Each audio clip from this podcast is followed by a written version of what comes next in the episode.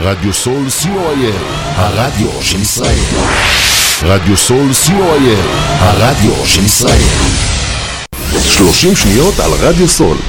רדיו סול היא תחנת הרדיו האינטרנטית הגדולה בארץ, המשדרת 24 שעות ביממה, מונה 36 שדרנים, ועוברת בשם הוויזואלי.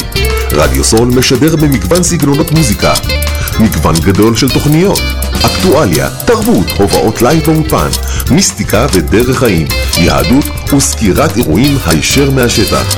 ניתן להאזין לרדיו סול באפליקציית רדיו סול ישראל או באתר האינטרנט radiosol.co.il רדיו סול co.il הרדיו של ישראל יש לכם ניסיון בניהול צוות במוקד טלפוני? חברת מגן מומחים למימוש זכויות רפואיות מגייסת ראש צוות למוקד הטלפוני שלה בפארק אפק ראש העין. לעוד פרטים יש ליצור קשר עם ליאת ממגן בטלפון 053-967-5550 053-967-5550 פודקאסט, אחד מהטרנדים החמים שיש היום. רוצים להקליט פודקאסט משלכם? רוצים שכל העולם ישמע אתכם? רדיו סול, הרדיו האינטרנטי הגדול בישראל, מזמין אתכם לאולפן ההקלטות האיכותי והמקצועי ביותר, עם פודקאסט אודיו ווידאו, כולל גרינסקרין. לפרטים נוספים חייגו 03-677-3636.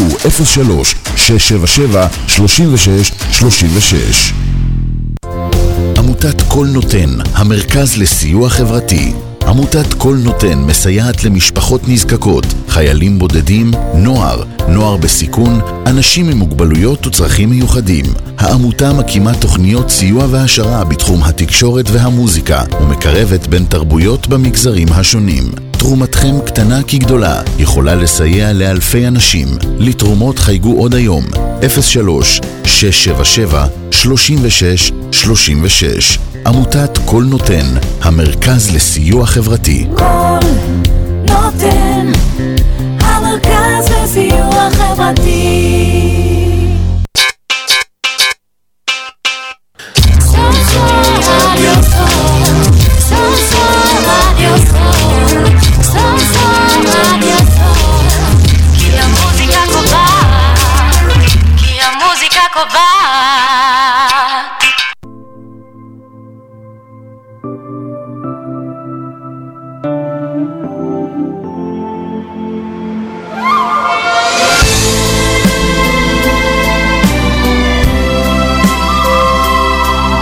מאזינים לתוכנית מורשת יהודית וזהות ישראלית בהגשת בן שפט.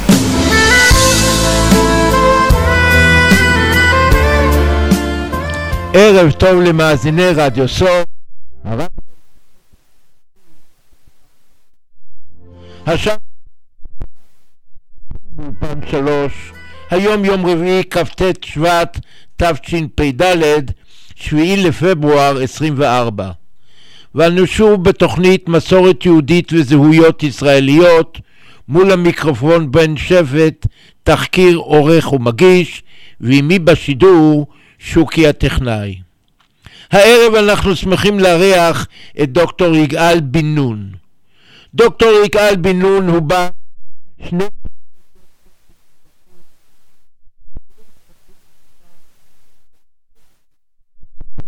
המונותאיסטיות. ואני מצידי מוסיף שדוקטור יגאל בן נון מוכר וידוע כמנפץ מיתוסים במסור, במסורת היהודית, כמו מיהו האל היהודי ומהם תכונותיו, מיהו האל העליון ומהם תפקידיו, היכן מקומו המדויק? ועוד ועוד ככל שיתיר לנו הזמן. ולפני שנצא לדרך, נשמע את קובי אפללו בשירו החדש מלאכים במדים, לכבודם של כלל חיילי צה"ל. קדימה קובי אפללו, כולנו מצדיעים לחיילי צה"ל.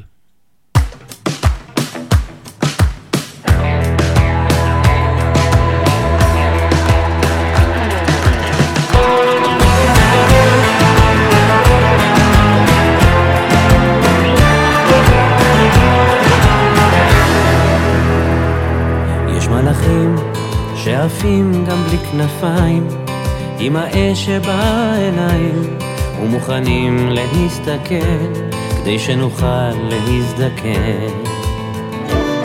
יש מלאכים לצד רובה תופסים גיטרה, שומרים על מדינה ששרה, על התקווה שמעלה, תפילות בשעת הנעילה. והרוח הלוחמת אף פעם לא נשברת, כשהם עולים על המדים הם לוחמים, הם מלאכים שמקדשים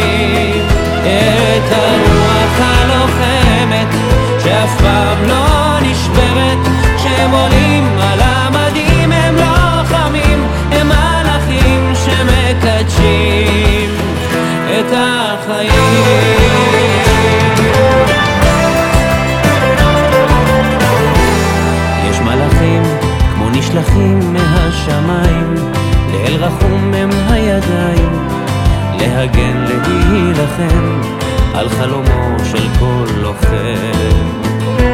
כמו אריות ששואגים מאהבה, מתוך ליבה של הקרבה, שאין דומה לה בעולם, ובזכותה הכל קיים. והרוח הלוחמת אף פעם לא נשברת, כשהם עולים על ולפני שנתחיל עם, עם הנושא בשיחתנו עם הדוקטור יגאל בן נון, נזכיר לכולנו שבבתי הספר ובבית, ובבתי הורינו למדנו שלדת היהודית יש אל אחד ואין בלתו, דהיינו דת מונותואיסטית. כנאמר, אני ראשון ואני אחרון ומבלעדיי אין אלוהים. הייתכן? למדנו גם שהר סיני, מקום התגלות האל לבני ישראל, נמצא כמסופר במקרא בין מדבריות צין ופרן. האם זה באמת נכון? מדוע לא הכרנו את שבעת שמותיו של האל ומשמעותם? ועל כל השאלות האלה ועל עוד נוספות נדבר עם דוקטור יגאל בן נון. דוקטור יגאל בן נון, אתה איתנו? כן, אני איתכם, שלום אה, בן שפט. שלום שלום ויהיה שלום. ולפני שנצא לדרך, תספר לנו בקצרה על פועליך בעבר ובהווה. אה, לא מסובך מאוד, הדברים הם פשוטים, אני היסטוריון, אני חוקר מקרא, ואני חוקר דתות בעצם לא את הדתות בכלל, אלא רק איך הם התחילו. הכוונה כשאני אומר דתות, בעצם זה תמיד הדתות המונותואיסטיות, ה- הנצרות, האסלאם, היהדות, ובעיקר חקרתי את הטקסטים שקשורים להקמתן. זאת אומרת, מצד אחד, בראש ובראשונה, אותו מאגר ספרותי מאוד חשוב, מאוד יוקרתי, שנקרא ספרי המקרא, או בלשוננו הרגילה, התנ"ך, שהוליד בעץ שבלעדיו לא יכלו להיוולד שלושת הדתות. שלושת הדתות שאנחנו קוראים להן מונותאיסטיות, קהילות מאמינות באל אחד. זאת אומרת, אתה חקרת בעצם? את מקור כתיבתם. מקור כתיבתם של, של, של ספרי המקרא, כולם בשטח הזה הלא גדול, בקנה מידה עולמי, נ- בוא נגיד פלוס מינוס בין אה, דן לבאר, לבאר שבע. אה, ליתר דיוק בעצם כנראה הטקסטים אה, רובם ככולם נכתבו או בירושלים או קצת יותר צפונה בממלכת ישראל בשומרון. ומי כתב, ומי כתב אותם? האם זה כתבו, היה האדם או... כת- יותר נכון להגיד בצורה ברורה וחשוב לציין את זה, אף אחד מכל ספרי המקרא לא נכתב מתחילתו ועד סופו על ידי מחבר אחד.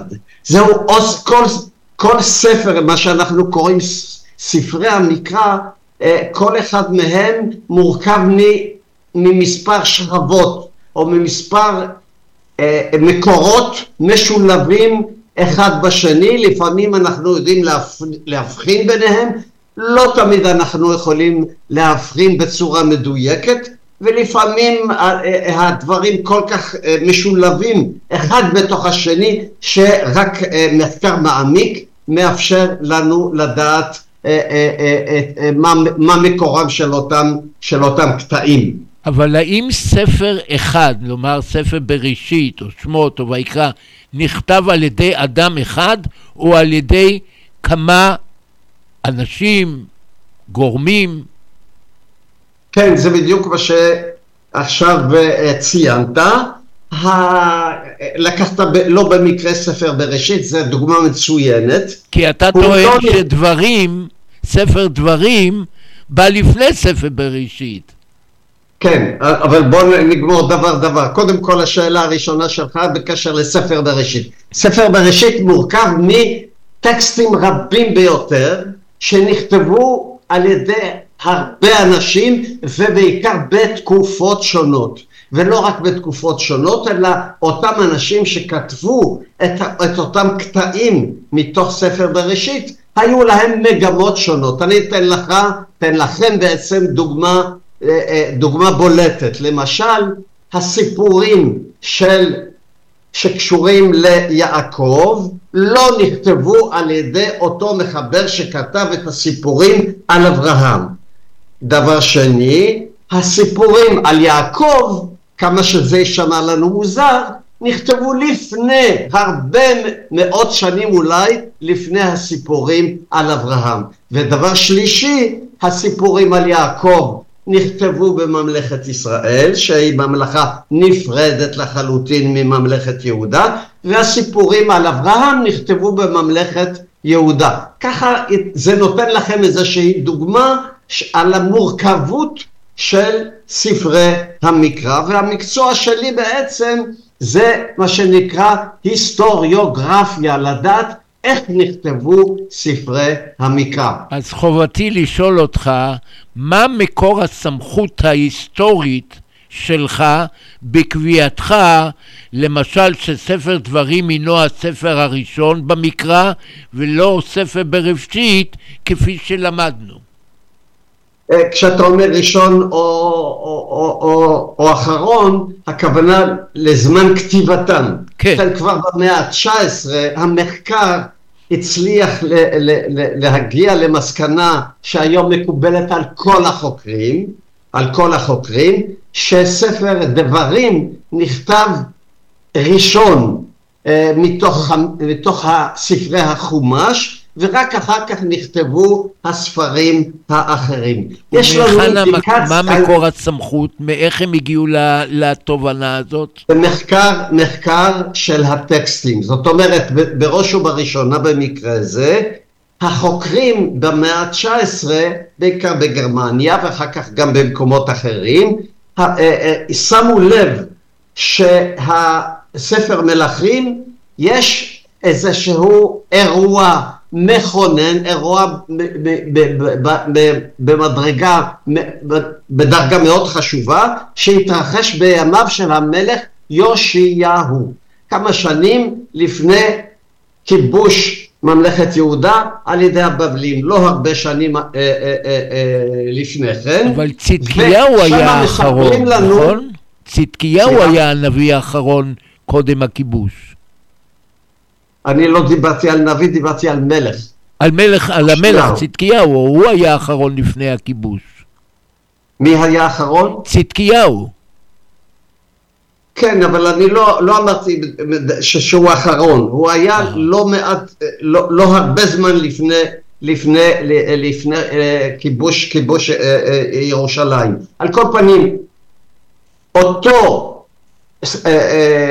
פרק שמדבר על הרפורמה שעשה יאשיהו, בעצם אנחנו, אה, אה, החוקרים ראו שיש זיקה ישירה ביותר בין אותו אירוע בימיו של יאשיהו, על פי מה שמסופר עליו בספר מלכים פרק כ"ב כ"ג, לבין התוכן של ספר דברים, ולכן יש זיקה בין השניים. זאת אומרת, אותו ספר תורה שעליו מסופר בתקופתו של יאשיהו, בעצם הספר הזה היה, היה מה שאנחנו קוראים יותר מאוחר ספר דברים. אחר כך באו שאר הספרים. עכשיו זאת נקודת, נקודת ארכימדס, נקודת אחיזה, בשביל לדעת איך נכתבו ספרי המקרא. וכמובן צריך להתחיל בראש ובראשונה בעובדה שמדובר, הספר הזה שנקרא ספר דברים, מדובר ברפורמה פולחנית. רפורמה פולחנית, זאת אומרת זה לא מה שהיה, אלא מה שרצו שיהיה וזה לא הצליח. על מה נכתבו הספרים? על קלף? על נייר? על, על מה זה נכתב? כן, נייר עדיין לא היה, אבל רוב הסיכויים כמובן שכתבו על קלף, זאת אומרת אה, אה, טקסטים ארוכים בעלי חשיבות אה, גדולה, לא למשל כל מיני קבלות או, או רישומים קטנים, אבל טקסטים בעלי ערך ספרותי חשוב, כתבו אותם על קלף. ולא רק כתבו אותם על קלף, אלא כיוון שאלה טקסטים, צריך לקחת בחשבון שכתיבה זה לא דבר של מה וכך בתקופה העתיקה, זה דבר מאוד חשוב, במיוחד טקסטים ספרותיים. הטקסטים הספרותיים האלה לא כתבו אותם ואחר כך זרקו אותם, אלא המשיכו להעתיק אותם שנה בשנה, אה, שבוע בשבוע אולי, אה, דור, כל דור, כל דור בנפרד, יעתיקו אותם עד שהגיעו אלינו עד היום הזה. בלעדי זה שהעתיקו אותם, שהמשיכו להעתיק אותם כל הזמן, זה לא היה מגיע לידינו. כמובן, למשל קבלות או רישומים קטנים נכתבו על מצעים שונים ו, אה, ולא נשמרו, ולא לא, נשמרו עד היום הזה, כי היה להם פחות חשיבות. הרבה מהטקסטים הגיעו אלינו מתגליות קומראן. אה, הטקסטים המקוריים הראשונים שיש היום בידינו, זה נכון, הם הגיעו ממה שנקרא מגיל, מגילות מדבר יהודה, מגילות שנמצאו בחלקן הגדול בקומראן, גם במקומות, גם במקומות אחרים, ויש לנו, זה, זה בערך טקסטים שנכתבו כ-200 שנה פלוס מינוס לפני הספירה. ולכן זה, זה הטקסטים העתיקים, כתבי היד העתיקים ביותר שעומדים לרשותנו. מה התברר לנו? הרי מגילות מדבר יהודה נמצאו רק החל מ-1948, לא לפני כן. 48, ערב... מה שהתברר לשמחתנו, לשמחתנו, שהטקסטים שהגיעו אלינו, שהיו אה, אה, לרשותנו קודם לכן, והגיעו אלינו רק במאה העשירית לספירה, מה שנקרא אה, נוסח המסורה, עשירית לספירה, זאת אומרת יותר מאלף שנה בתחילת ימי הביניים. יהודה, ב- כן? בתחילת ימי הביניים. בימי הביניים, כן, בימי הביניים. מתברר שיש חפיפה כמעט מובהקת, הטקסט השתמרו בצורה יוצאת מהכלל, חוץ מדברים קטנטנים שאנחנו יודעים להבחין ביניהם. יפה, אז אנחנו בעצם מבינים יותר איך כתבו ואיך מה מקור הסמכות לקביעת התאריכים. נתקרב קצת לאל. מה קדם להופעת האל הראשון? מה זו הייתה, כל- זו הייתה חברה פגאנית? אה, הופעה זה לא המילה המדויקת, זאת אומרת תמיד היו אלים ותמיד אה, אה, אנשים האמינו באלים ואנחנו לא יודעים מתי בדיוק התחילה האנושות, מתי התחיל איזשהו כאילו איזשהו אדם ראשון ולכן אנחנו גם לא יכולים לדעת מה הוא חשב ועל איזה, ולאיזה אל, אה, ואיזה אל העסיק אותו, אבל על כל פנים מה שיש בידינו זה הדבר היחידי שאנחנו יכולים לבדוק אותו, זה רק טקסטים. אם יש לנו טקסט שמדבר על אל מסוים, אז אנחנו יודעים שבאותה תקופה כבר היה אותו אל. ומה היה ב- קודם אותו אל? מה זה היה פגאניות? תרבות פגאנית? תמיד היו הרבה אלים, כולל בכל תקופת המקרא וכולל עד היום הזה.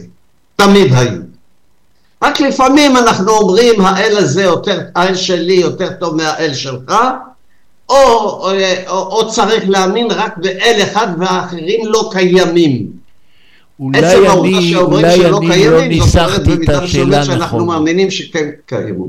אולי לא ניסחתי את השאלה הנכונה. כן. האם היו פסלים שנחשבו כאלים לפני התגלית הראשונה של אל? אין לא לנו. תקליט ראשונה של אל, יש לנו רק טקסטים אמרתי עם, עם, אה, עם, אה, עם אזכורים של אל ו, אה, ותמיד כשאומרים אל, אין אל בלי פסל.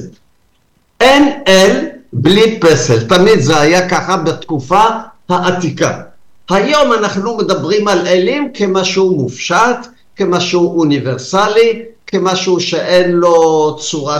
צורה פיזית, ויש, ואנחנו נותנים לו משמעויות ותכונות אחרות מאשר היה בכל העולם, בכל העולם העתיק. בכל העולם העתיק היו הרבה אלים, אנחנו לא, בממלכת ישראל ובממלכת יהודה, אנחנו לא שונים ממה שהיה ב, ב, בתקופה העתיקה, ו, אה, ו, ו, אה, והתייחסו לאותם אלים כפסל, זאת אומרת הפסל הוא האל, האל הוא, פסל.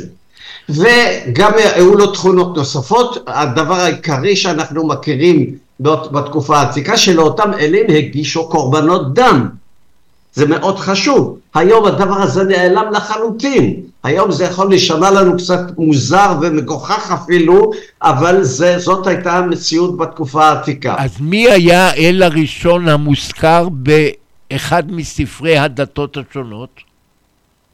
תראה, אה, יש לנו, אה, גם בספרי המקרא, כיוון שאנחנו לא יכולים לדעת בדיוק מה, מתי כל, כל קטע טקסט אה, נכתב לפני מה, קשה מאוד לדעת אפילו כשיש לנו את הטקסטים האלה. ברור שהיו לפני ממלכת ישראל וממלכת יהודה עוד אימפריות וממלכות יותר מפוארות, יותר גדולות, יותר חזקות כמו מצרים, כמו אכד, אשור, פרס. בבל, פרס, כל אלה, כל אלה היו להם אלים משלהם.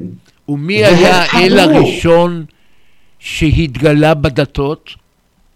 אין ראשון ושני, תמיד היו אלים לכולם, בו זמנית. זה לא תחרות בין ילדים, מי של מי, של מי יותר טוב, או של מי ראשון או של מי... אה, זאת אומרת, אה, האלים תמיד העסיקו את כל האנושות, בו זמנית, בו זמנית. אז מתי הייתה התגלות אל ראשונה ולאיזה דת? אין, כל הזמן היו סיפורי התגלויות. כל, כל עם היו לו סיפורי התגלויות שלו, אה, ונתן לאלים שלו כל מיני תכונות. אין פה תחרות, צריך לצאת מזה, זה קצת נשמע ילדותי. כאילו, מי הראשון, מי, מי, מי ניצח? לא. כל האנושות באותה תקופה, בתקופה העתיקה, האמינה באלים ונתנו לה תכונות, ובהרבה מקרים, כמו במקרא, היו סיפורי התגלויות. כמובן, אלה סיפורים. זה לא משהו כאילו אבל ש... ההתגלות של ההתגלות בהר סיני, אתה גם את זה רואה כ... סיפור לחלוטין סיפור. זה ככה בתקופת המלוכה, סיפרו לעצמם, התושבי ממלכת ישראל, ממלכת יהודה, איך התגלה להם האל. זה סיפור יפה. ככה הדמיינו לעצמם, ככה סיפרו לעצמם, וכמובן אני יכול רק גם להוסיף, אלה שכתבו את הסיפורים האלה, הם לא התכוונו שזה משהו אמיתי, זה לא הגיוני. הם ידעו שהם מספרים סיפור יפה, אגדה. אז לדעתך, אם אני הבנתי נכון, התגלות האל במעמד הר סיני הוא סיפור. סיפור. כן, אז, אה, כמו כל אז בוא, בוא. נייצב את עצמנו גיאוגרפית. סיפור שהשפיע מאוד, סיפור מאוד יפה, סיפור אה, ש, ש, שגרם ל- ל- ל- ל- ל- ל- להתגבשות של, של ש- סביב זה, אבל אה, הערכה של אדם נורמלי, כאילו אפילו שחושב על זה היום, כמובן לא כל, לא כל האנשים בתקופה העתיקה האמינו לאגדות האלה, הם ידעו שאלה אגדות יפות. לא רק, לא רק יודעים- הר סיני, גם הסיפור של בריאת העולם. אז באמת אנשים האמינו שהיה אדם ראשון ונחש וחווה, והנחש מדבר, וקריעת ים סוף. כל ידעו, זאת אומרת, היו אנשים שכאילו ברמה מסוימת, כאילו שהבינו את הדברים כפי, ש, כפי שמספרים אותם, גם היום אותו דבר אגב, גם היום אותו דבר. ו, ו, ואלה כמובן שכתבו ב, ויש, ו, ומפעילים איזשהו היגיון, הם יודעים שמדובר באגדות יפות. יגאל, אני צריך לומר, אתה, אנחנו רבע שעה בשידור, וכבר הצלחת לנפץ אצלי כמה מיתוסים. דהיינו, לא כך. היה אדם וחווה, ולא היה קין והבל, ולא היה שיח בין קין לקדוש ברוך הוא. לא, היו, היו סיפ... לא, לא צריך לראות את זה כדבר שלילי. לא, אני לא אומר שלילי. אלה סיפורים נפלאים. יגאל, אני לא הבעתי דעתי, אני רק בא ואומר, ריבונו של עולם, איפה אני ביקרתי לא משהו, זה בילדותי? לא היסטוריה, בוא נגיד ככה במילים יותר מדויקות. אה, בריאת העולם זה לא היסטוריה. הסיפור של... אה, אה, קין והבל. לא. הסיפור של קריעת ים סוף זה לא היסטוריה. ו- גם לא הגיוני, ועקדת זה ניסים יצחק? ונפלאות. עקדת יצחק? אותו דבר. זה סיפורים אז יפים. הגענו עכשיו דרך כל ספר בראשית, קפצנו לספר שמות, פרשת יתרו, מה שקראנו בבית הכנסת לפני שבוע, וקראנו שם את התגלות האל ואת עשרת הדיברות ועל הר סיני, ואתה בא ואומר לנו הכל, הכל יפה מאוד, ומדובר בסיפורים נפלאים, ולכל העמים היו סיפורים מהסוג הזה, ולכל עם מדמיין לעצמו איזשהו עבר יפה, ועד היום בעצם אנחנו עושים אותו דבר. מה זה לכתוב רומן? מה זה, זה לכתוב, סיפ- מה זה קולנוע? מה זה סרט בקולנוע? אנחנו מספרים לעצמנו סיפורים יפים. אנחנו מספרים לעצמנו בעיקר סיפורים יוצאים מגדר הרגיל, עם כל מיני דברים מוזרים ביותר. ככל שזה מוזר יותר, ככל שזה נועז יותר, ככל שזה מפתיע יותר, הסיפור יותר יפה. זה מה שהם עשו בתקופה העתיקה, זה לא אנשים טיפשים. אז אני רוצה רגע להבין עוד, נלך עוד קצת צעד. אז אני מבין שכל החומש, כל חמשת חומשי, אז גם משה היה סיפור? סליחה, עוד פעם? משה ואהרון, זה גם חלק כן, מהסיפורים? בהחלט, בהחלט. זה לא אומר, בנוסף למה שאמרתי, גם כשאנחנו קוראים סיפורים אגדתיים, הם יכולים לתת לנו איזושהי תמונה איך אנשים תיארו לעצמם אותם, שאנשים, אותם אנשים שכתבו בתקופה שהם כתבו, זה משקף את התקופה של הכתיבה. הבנתי. זאת אומרת, אתה בא ואומר, הנביאים, ישעיהו, יחזקאל, ירמיהו, הם היו? בהחלט. אז איפה הגבול בין... אנחנו, הם כתבו ברמה גבוהה ביותר, וברור שאלה דמויות היסטוריות, אין ספק. אז איפה הגבול? גם האירועים שהיו בזמנם הם היסטוריים, רק אנחנו צריכים להבחין מתי מדובר בטקסט היסטורי, זה לא קשה לדעת, זה ההיגיון שלנו, כל אחד יכול להבחין בזה, מתי אנחנו קוראים, אותו דבר גם היום, כשאנחנו, כשאנחנו אה, קוראים ספר היסטוריה, אנחנו יודע- עם אירועים היסטוריים אנחנו מבחינים בקלות שזאת היסטוריה, כשזה רומן אנחנו מבחינים בקלות שזה רומן. אז אה, סרט, בוא, אה, בוא נשאל עוד. פעם שאלה. זאת אומרת, אם אני מבין נכון, כל חמשת חומשי התורה הם סיפורים, אבל מספר יהושע זה דבר היסטורי? לא הולך ככה, כיוון שזה לא הולך לפי ספרים, אלא זה הולך לפי התוכן. גם הסיפורים, בעיקר הסיפורים על יהושע, כולם אגדתיים לחלוטין.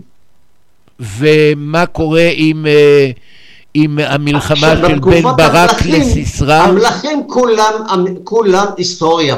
כן, זה, יש הבדל בין מלך ומה שהוא עשה, לבין אדם פרטי כמו יעקב או אברהם שרוצה לחתן את הבת שלו, דברים מהסוג הזה, זה כמובן לא אז היסטוריה, תקופת המלכים היא תקופה היסטורית, אין שום ספק. אין שום ספק. ותקופת. הנביאים היא תקופה לא, אין תקופת הנביאים, הנביאים חיו ביחד. יחד עם המלכים. ברור. אז זאת אומרת, נלך קצת אחורה. השופטים, מה אתה רואה את. את תקופת השופטים? שופטים זה סיפורים שמספרים בלילות קרים, זאת אומרת, לעצמם על כל מיני מצביעים שהצילו את ישראל, סיפורים יפים. זאת אומרת, עד יפים. ל... כל הספרים עד למלכים א', מוגדרים לפי בעיניך הסדר של... כסיפורים. אל תלך לפי הסדר של הספרים. בסדר, לא- אבל לא כפי שלמדנו, כפי. שלמדנו. אבל יותר טוב לנסות להבין לפי התוכן אם זה נראה לך היסטוריה או זה נראה לך ניסים ונפלאות. עכשיו בוא נלך עוד אחד כדי שנסיים את החלק הזה. אה, היות ואנחנו מהמסורת למדנו שההתגלות הייתה בהר סיני, כי אתה בא ואומר שהר סיני הוא לא במדבר סיני. כן, אה, קודם כל מי שכתב את הסיפורים על הר סיני בכוונה, שים לב, בכוונה לא רצה לציין מקום ספציפי שאפשר להגיע אליו, אלא מקום וירטואלי. זאת אומרת, אירוע כזה מאוד יפה, הם ידעו לספר סיפורים הרי. הוא לא ישים אותו ברחוב השני אצל השכנה. הוא מספר על אותו, על, הוא, הוא, הוא ממקם את, את, את המקום הגרנדיוזי הזה רחוק מאוד, במדבר, מקום שקשה להגיע אליו, מקום שקשה לדמיין איך, איך, אפילו איך הוא נראה, ולכן מי שכתב את, את הסיפור של ההתגלות של האל, שזה אירוע פנטסטי, כמו טרנטינו היום, מה סרטים של טרנטינו. כן, הוא, הוא רצה שזה יהיה במקום רחוק ולא לא, לא מוכר לאנשים איפה זה הגיע. בתקופה קצת יותר מאוחרת, אה, כתבו לא מעט אנשים שבניגוד לכמה חוקרים מהמאה, מראשית המאה העשרים, שהר סיני נמצא בצפון ערב. זאת אומרת, כשדמיינו איפה זה יכול להיות, זה, אנשים הגיעו למסקנה שזה נמצא בצפון ערב, על כל פנים בשום אופן לא במדבר סיני. לא נמצא בחצי האי סיני. והראיה החותכת ביותר היו תמיד מלחמות בין מצרים בדרום לממלכות מסופוטמיה בצפון וחיילים אה, אה, עברו מצפון לדרום אף פעם לא מזכירים את המילה סיני. סיני לא נמצא בחצי האי סיני. יפה. שיהיה ברור, חד משמעית. רציתי להעלות מושג נוסף שנקרא אל עליון. ואני כן. מצטט, לפני, ש, לפני שתסביר לנו מה זה אל עליון, אני אצטט כמה, כמה אה, ציטוטים. בספר בראשית מסופר שמלכי צדק מלך שלם בירך את אברהם, ואני מצטט, ויברכהו ויאמר ברוך אברהם לאל עליון, קונה שמיים וארץ. בערבי שישי, בתפילת ערבית, אנחנו אומרים, ברוך אתה אדוני אלוהינו מלך העולם, אלוהי אברהם, אלוהי יצחק ואלוהי יעקב, האל לא הגדול...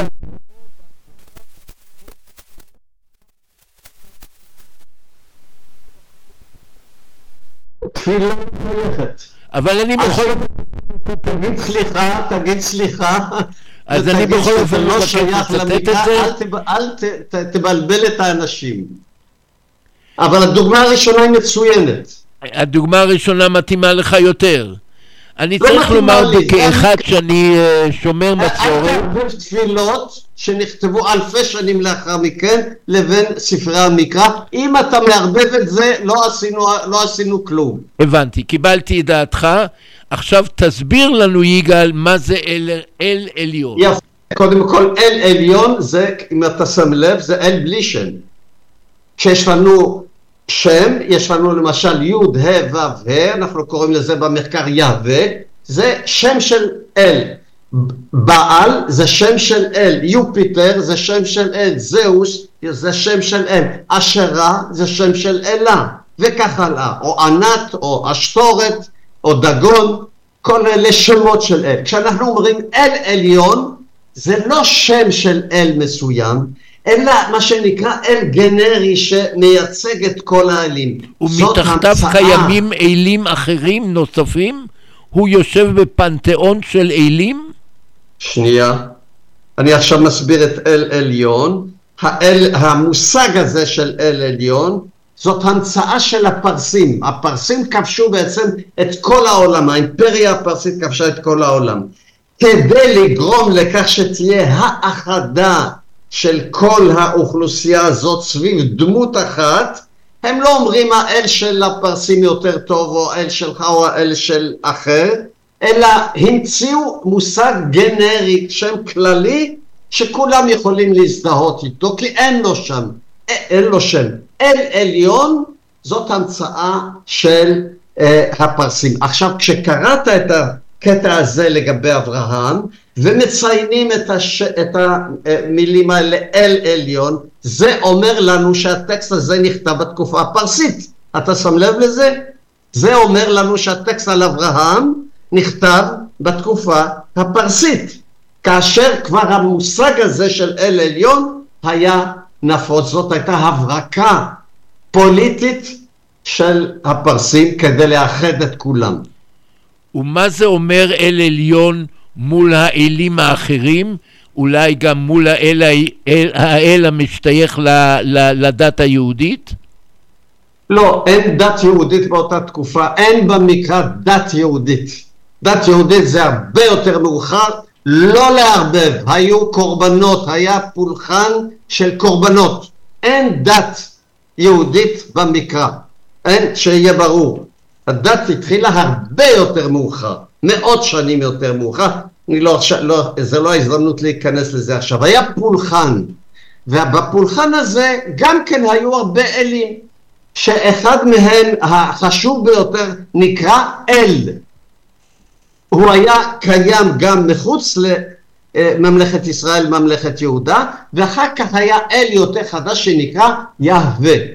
ושניהם כאילו אה, באותה תקופה שילבו כאילו אותם אחד בתוך מה שנקרא סינקרטיזם, שיל- שילבו אותם אחד בתוך השני. אבל בעצם כל ספרי המקרא מלמדים אותנו בצורה מפורשת שכל עם היו, לה, היו להם, אה, אה, היו לו אלים משלו, אותו דבר לגבי ממלכת ישראל וממלכת יהודה.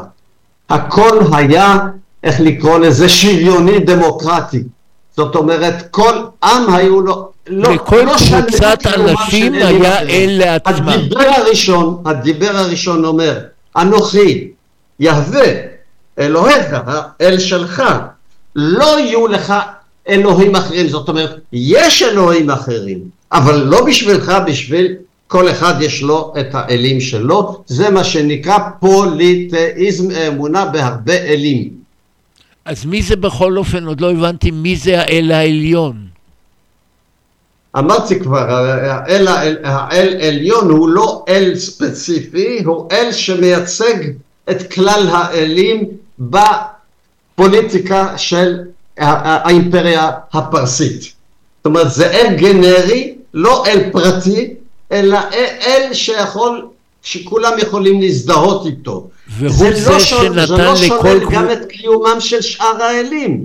זה לא שולל את יהווה, אבל עובדה שישעיהו, הוא כבר לא משתמש כמעט בשם יהווה, הוא משתמש באל עליון, זאת הייתה התקופה שהוא חי, בתקופה הפרסית. ולכן הוא, הוא, הוא התיישר עם הפוליטיקה ועם ה, אה, אה, עם הרצונות של, אה, של האימפריה הפרסית. אז לפי הבנתך, אנחנו חיים בעולם מונותואיסטי או בעולם פלוטיזם? אנחנו חיים בתקופה שהאלוהויות מעסיקות פחות ופחות אנשים. כולל חרדים, כולל. אני נכנס עכשיו לדברים שקשורים היום, אבל אם כבר שאלת, אז uh, כמובן במשך הזמן מקומו של, מקומה של הדת ירד בצורה דרסטית, כולל היום, והיום יותר מאשר אי פעם. ו... אבל יש עדיין אנשים מסוגים שונים, שזקוקים במידה זו או אחרת, בצורה זו או אחרת, לאיזשהו אה, אה, כוח עליון. הכוח העליון הזה קיים לא פחות אצל חילוניים מאשר אצל דתיים. דתיים פחות מתעסקים עם האלוהות מאשר חילונים. חילונים מאוד חשוב להם לדעת אם, אם יש אלוהים או אין אלוהים, הדתיים לא מתעסקים עם זה. אבל אה, מה שחשוב באמת להדגיש זה שהדת הגדולה ביותר בעולם היום זה האמונות העממיות, האמונות התפלות, מה שאנחנו קוראים. זה אה, אה, האגדות שאנחנו מספרים לעצמנו, זה תיאוריות קונספירציה, זה כל מיני, בעיקר אמונות תפלות, מה שאנחנו קוראים. רק שכבה עליונה יותר של אינטליגנציה מתעסקת בצורה זו או בצורה אחרת עם קיומו או אי קיומו של, של האל או אמונה, או אמונה, אמונה באלים. הבנתי. ואין הרבה הבדלים היום בסיכומו של דבר בין אנשים דתיים לאנשים שאנחנו קוראים להם חילוניים, שהוא גם כן מושג דתי בעצם. אז תרשה לי בכל אופן לצטט משהו מהתפילות. מצד אחד אנחנו אומרים בראש השנה, אומר האל, אני ראשון ואני אחרון ומבלעדיי אין אלוהים. ומצד שני, אנחנו קוראים בספר תהילים, מזמור לאסף, אלוהים ניצב בדת אל, בקרב אלוהים ישפוט. או מזמור לדוד, הבו לאדוני בני אלים, הבו לאדוני כבוד ועוז. מי כמוך באלים אדוני, מי כמוך נהדר בקודש, נורא תהילות אוסף אלה. אין כמוך באלוהים אדוני, ואין כמעשיך. יפה ציטטת כל הכבוד, זה חשוב מאוד לדעת שכל אותם ציטוטים האחרונים חוץ מהראשון הם כולם מהמקרא, כן? Mm. וזה מראה לנו שהיה, כמו שאתה ציינת, היה פנתיאון, היו קבוצות של אלים בממלכת ישראל, בממלכת יהודה, לא, היה, לא הייתה אמונה באל אחד. וכשאנחנו אומרים אל זה פסל, היו גם פסלים וגם הרבה פסלים וגם הרבה אלים. עם הזמן, אחרי חורבן בית המקדש, זה לקח הרבה שלבים, כשהחריבו את, את, את, את, את המקדש, כבר לא, היה, לא הייתה אפשרות לשים פסלים. מטבע הדברים בעצם הנוכחות של הפסל נעלמה. גם הנוכחות של הפסל הוא דבר פוליטי. זאת אומרת, אימפריות שרוצות אה, אה, אה, להעניש ממלכה שמורדת, היא לוקחת את הפסלים שלה. אם היא מתנהגת יותר טוב, מחזירים לה את הפסלים שלה. אם רוצים להעניש אותה יותר, אז מכניסים את, ה, את הפסל של, ה, של מלך האימפריה לתוך המקדש שלהם, זה קרה גם, זה קרה גם בישראל. בתקופה ההלנית רומית, בתקופה ההלנית רומית אפשר להגיד, בתקופה לא, לא, לא ארוכה, אפשר להגיד שהפולחן, הקורבנות שהיה באותה תקופה, שהיה מאוד חזק, פולחן הקורבנות באותה תקופה, יותר מאשר בתקופות קודמות, עסקו רק באל אחד. ואפשר להגיד שבאותה תקופה אפשר לדבר על איזשהו מונותאיזם. בתקופת הקורבנות. סליחה? בתקופת הקורבנות. עדיין בתקופת הקורבנות, בתקופה ההלנית... אבל זה, פס, זה פסק עם, חורבן הבא, עם חורבני הבית. עכשיו, אם, אם הכיבוש של, של, של ירושלים על ידי טיטוס, אנחנו היום במחקר יודעים שהטראומה הייתה כל כך חזקה והאכזבה הייתה כל כך גדולה מהאל של היהודים, היהודאים באותה תקופה, שכולם הפכו לפוליטאיסטים, האמינו בהרבה אלים, אלים של יוון ורומי. אלים של יוון ורומי. אלה המחקרים האחרונים שנעשו בשנים האחרונות. אפשר לראות את זה בצורה ויזואלית יוצאת מהכלל בכ-120 פסיפסים בתוך בתי כנסת, כולם פוליטאיסטים עם אלים יווניים רומיים. אבל אני זוכר בלימודיי שגם עוד קודם לכן, בממלכות יהודה וישראל, הם לא היו נאמנים לאל אחד. גם שם נכון, הייתה, לא היה ריבוי לאל. אלים. כן, תמיד היו הרבה אלים.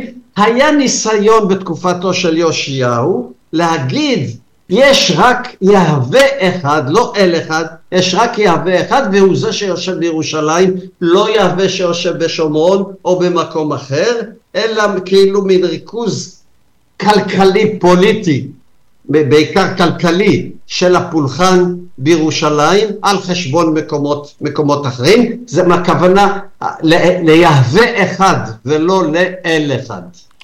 אז אני רוצה עוד לשאול אותך עוד איזו שאלה, לפני שנגיע ל- להמשך.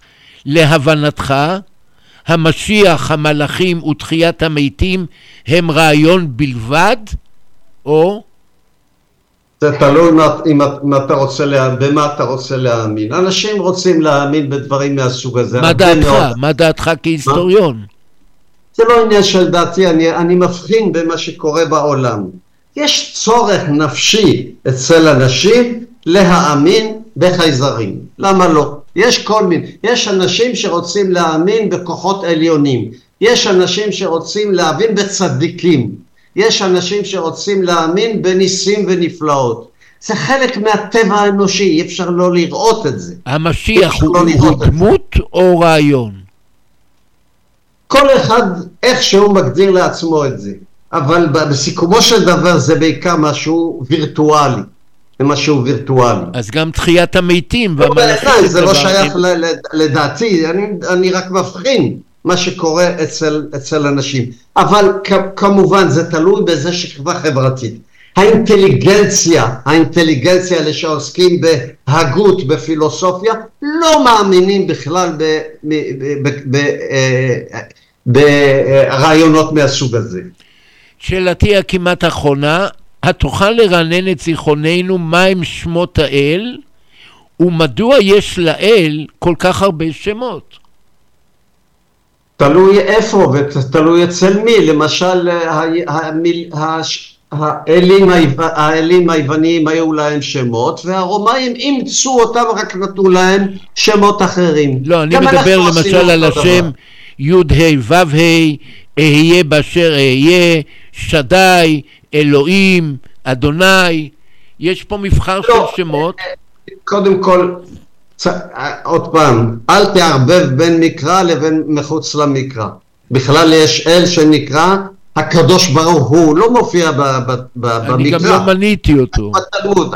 אז יש כל מיני, ש... כל מיני שמות, אה, תחליפי שמות שרוצים לתת להם, כולל הש... העניין של אדוני, כולל העניין של אלוקים או דברים מהסוג הזה.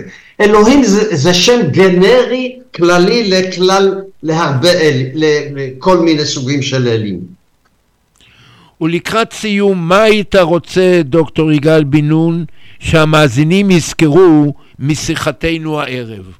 אוי, שאלה קשה מאוד, שקודם כל שיש, שלא ישכחו את מה שנאמר בשיחה הזאת, אפשר רק להוסיף שדבר חשוב מאוד. אם דיברנו על ספרי המקרא, צריך שוב לזכור לתמיד, לא מדובר בספר, מדובר בספרייה. ספרייה שיש בה הרבה, לא רק ספרים, הרבה טקסטים שונים אחד מהשני שנכתבו בתקופות שונות על ידי אנשים שונים, בעלי מגמות שונות, ו, אה, ולא רק שהם בעלי מגמות שונות, אלא לפעמים הם בתוך, אה, אנחנו קיבלנו את הטקסטים האלה משולבים אחד בתוך השני, דבר שהוא מאוד מבלבל. ככל שאנחנו נלמד חקר המקרא, זאת אומרת קריאה ביקורתית של המקרא, כמו שמתחילים לעשות את זה עכשיו גם בבתי ספר תיכוניים, באוניברסיטאות בטוח. אנחנו נבין יותר את התקופה העתיקה ונהנה יותר גם ממנה. יש לנו גם מעמד מיוחד ביותר בתוך הסיפור הזה, בגלל שבהשוואה לכל אומות העולם, בהשוואה לכל אומות העולם, יש לנו את המאגר הספרותי החשוב ביותר בתולדות האנושות, שהשפיע על כל העולם עד היום הזה, להערכתי, אנחנו עדיין לא, מוד- הישראלי עדיין לא מודע לחשיבותו ב, בסיפור, ה, בסיפור הזה של המקורות שהנחלנו לאנושות. אם היום כל, ה, כל, ה, כל העולם, אפרופו המלחמה שמתקיימת עכשיו, אם כל העולם, כל המבטים מופנים כלפי ישראל, זה בעיקר גם בגלל מעמדנו ההיסטורי. אם, הפ, אם הפלסטינים הפכו לכל כך חשובים, זה בזכותנו, זה בזכות זה שאנחנו, שהם בקשר מלחמתי או אחר עם ישראל, וישראל נמצאת, אם נרצה או לא נרצה, לטוב או לרע במרכז העולם. אתה, יש לנו עוד דקה או שתיים. אתה הזכרת את המאגר הספרותי. מה היה המאגר הספרותי מהמאה החמישית ששם נחתם התלמוד ועד לימי הביניים שהתחילה הפילוסופיה היהודית? מה היה ב-300 שנה האלה, ב-500 שנה האלה, מה היה המאגר הספרותי היהודי? זה לא 500 שנה, זה יותר מאלף שנה. הת- התלמוד נכתב נכתב למסקנה ב- במאה החמישית. רק באלף, ב- ב- במאה העשירית לספירה, לא לפני כן, רק במאה העשירית לספירה, לא לפני כן, ולכן במשך יותר מאלף שנה אנחנו לצערנו לא יכולים לדעת מה קרה ליהודים באותה תקופה. אנחנו יכולים לדעת בערך גם על סמך אה, מה שנכתב במק... בתלמוד, שבעצם כל ה... כל ה...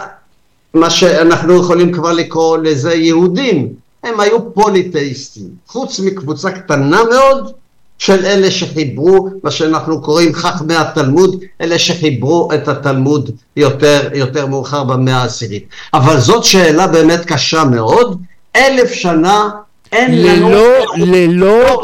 ללא, ללא ספרות הלכת, ללא ספרות על, היה, על היהודים, על היהדות. כן, אין לנו, אין לנו כמו למשל בספר ספר מלכים לגבי התקופה העתיקה ולא רק ספר מלכים. אין לנו אה, אוצר ספרותי כמו של יוספוס שמסביר לנו בצורה מפורטת ביותר את כל מה שקרה ליהודאים ב- ב- בתקופה היוונית רומית. אחר כך, אחרי שיוספוס גמר לכתוב ועוד אחרים בתקופתו, אין לנו ידיעה ברורה איך יהודים... עד לתחילת ימי הביניים. מה? עד לתחילת ימי הביניים. עד, לת... עד למאה העשירית.